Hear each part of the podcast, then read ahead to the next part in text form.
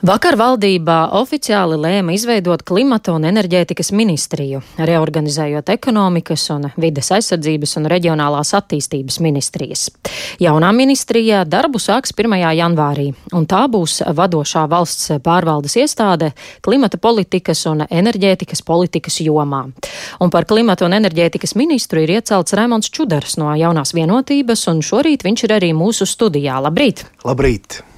Kā tad tīri tehniski no 1. janvāra šī jaunā ministrija sāks darboties?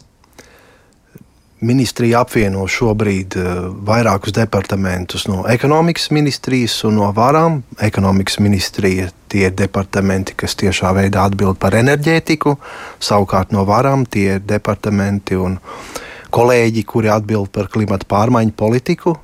Eh, tad mūsu uzdevums ir eh, apvienot šīs divas politikas vienotā pārvaldē, un tas arī tiek darīts, izveidojot šo jauno ministriju, kurā aptuveni mēs runājam šobrīd par 50 kolēģiem, kuri eh, ir vienoti vienotā struktūrā.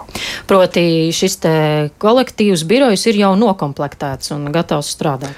Tieši tā valdība arī vakar nolēma, ka eh, līdz eh, zināmu reorganizācijas soļu ieviešanai eh, tieši šie departamenti tiešā veidā pakļaut arī klimata un enerģētikas ministrijai.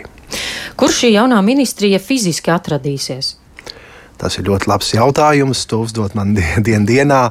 Eh, mēs atrodamies eh, mūsu kolēģu varam telpās. Tur ir pietiekama kapacitāte, lai ministrija varētu sākt darbu, un pietiekami daudz arī telpu. Un tas arī atbilst eh, valdības iepriekš lemtajam, ka daļu no atbalsta funkcijām šai jaunajai ministrijai veids jau šobrīd esošās ministrijas, proti, varam.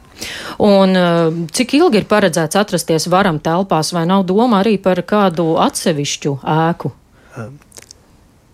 ja šī telpa un ēkas ir piemērotas mūsu darbām, un mēs varam nodrošināt to, ka tas darbs ir sekmīgs šajās telpās, tad varbūt šobrīd man ir pārāk runāt par to, vai mēs pārcelsimies un kur. Nu, tā tad pārskatāmā nākotnē būsiet varam telpās. Savās telpās. Savās telpās, jā. Um, nu, pārējot pie aktualitātēm, kas skar jūsu jomu, kādi ir tad tie svarīgākie un galvenie darbi, ar ko sāksiet? Enerģētika, protams, enerģētika šobrīd ir ļoti aktuāla uh, joma. Tā iemesla dēļ, ka tas skar katru maisaimniecību, katru cilvēku. Cenu pieaugums ir milzīgs, un šobrīd es varētu sadalīt uh, īstermiņa uzdevumos un ilgtermiņa uzdevumos. Un īstermiņa uzdevumi, kas šobrīd ir aktuāli, ir saistīti, protams, ar tarifu politiku. Kas attiecas uz elektroenerģijas sadali un pārvadi. Tas ir jautājums, ko valdība ir apņēmusies risināt, mēs jau vakardienas valdības sēdē šo jautājumu izskatījām. Ar mērķi, lai 10. janvārī jau nākamgad mēs noteiktos pamatprincipus, kas būtiski ietekmēs sadales un pārvades tarifu, proti, mēs runājam par būtisku samazinājumu salīdzinot ar šobrīd Eh, sabiedrisko pakalpojumu regulātorā iesniegtiem tarifiem, kas ir izraisījuši negāciju un virkni jautājumu sabiedrībā un arī industrijā. Eh, mūsu uzdevums šobrīd ir pirmām kārtām panākt būtisku samazinājumu, un otrām kārtām, kas šķiet būs daudz grūtāk, uz, grūtāks uzdevums, šo tarifu struktūru izkārtot tādā veidā, lai tā būtu pirmkārt saprotama, un lai mēs nekaitētu arī turpmākajiem mūsu mērķiem, kas saistīti ar atjaunojamo energoresursu apjomu daļas pieaugumu elektroenerģijas tirgu. E, e, tas ir jāizdara tuvākā laikā, un mūsu ministrija, protams, par to arī atbildēs. Tas nozīmē, ka sadales e, tīklu un augstsprieguma tīklu šos tarifus būtiski nepaukstinās, vai arī ir mērķis novērst lielu pieaugumu? Ir mērķis novērst lielu pieaugumu, jo pieaugums ir saistīts ar pavisam objektīviem apstākļiem. Mēs uh, saprotam, ka elektroenerģijas cenas kopumā Eiropā un pasaulē būtiski aug, un tā ir liela daļa no šo tarifu uh, komponentes. Un, uh, Šobrīd jau ir skaidrs, ka var tikt panākts kopējais samazinājums aptuveni par pusi salīdzinot ar iesniegto tarifu pieaugumu. Mēs runājam par pieaugumu. Tad pieaugums mm. bija paredzēts uh, vairāk kā atsevišķot vienā gadījumā 104%, vienā gadījumā ap 70%. Faktiski mēs šobrīd var, varam runāt, ka kopējais pieaugums būs uz pusi mazāks abos divos tarifa gadījumos. Bet, eh, protams, vēl ir jautājums par to, kā šis tarifs sadalās starp starp lietotājiem, eh, kur ir noteiktas lietotāju grupas, un kur mums jāstrādā, lai eh, šīs eh, tarifa politika un tarifa struktūra būtu sabalansēta. Un kādā veidā var to sabalansēt un tarifus samazināt? Mēs saprotam, ka šeit ir ļoti daudz intereses. Pirmkārt, mums ir mājasemniecības, cilvēki, kas dienā lieto elektroenerģiju, un viņu uzdevums, protams, ir pārskatīt savu pieslēgumu, šī brīža pieslēgumu, vai šis pieslēgums atbilst tām nepieciešamībām, kas konkrētai mājasemniecībai ir. Mums ir industrija, kura patērē un kura ir energoietilpīga nozare, proti, mēs runājam par lieliem ražotājiem, kokrūpniecību, piemēram, citas nozares, kuriem ir liels elektroenerģijas patēriņš. Mēs runājam, protams, par atjaunojamo elektro, elektroenerģijas ražotājiem, kuri e, šajā tīklā nodot elektrību, e, un vēl vairākām citām kategorijām. Un visām šīm kategorijām ir pieslēgumi tīkliem, un par šiem pieslēgumiem ir jāmaksā. Un tad ir jautājums par šo pieslēgumu maksas sadali šajās kategorijās. E, tas bija viens no, un vēl aizvien ir viens no aktuālākajiem jautājumiem, jo intereses šeit sadurās. Eh, katra no nozarēm vai katra no šīs sabiedrības grupām, protams, apelē pie tā, ka mums ir nepieciešami izdevīgāki tarifi, tad ir jautājums, uz kā rēķina. Jo šeit eh, mēs, protams, runājam par to, ka iekšēji ir kaut kādas šķērs subsīdijas šajā gadījumā. Mūsu uzdevums ir no, sabalansēt šo situāciju. Mm. Nu, vēl viens no tādiem izaicinošiem jautājumiem ir arī dabasgāzes cenā, un Eiropas Savienības dalībvalstu ministri pirmdien šonadēļ tātad vienojās noteikt dabasgāzes cenu griestus 180 eiro par megavatu stundu noteiktos apstākļos. Vai jūs arī bijāt klāt šajā sanāksmē, un kā jūs vērtējat panākto? Jā, es biju klāt sanāksmē, un uh, šo panākto vienošanos es vērtēju kā ļoti lielu Eiropas valstu kompromisu kurš prasīja daudz laika. Uh, apspriede bija karsta, argumenti bija brīžiem ļoti uzstājīgi un konkrēti. Valstis, katra no valstīm domāja par savām interesēm. Kompromiss šobrīd ir panākts.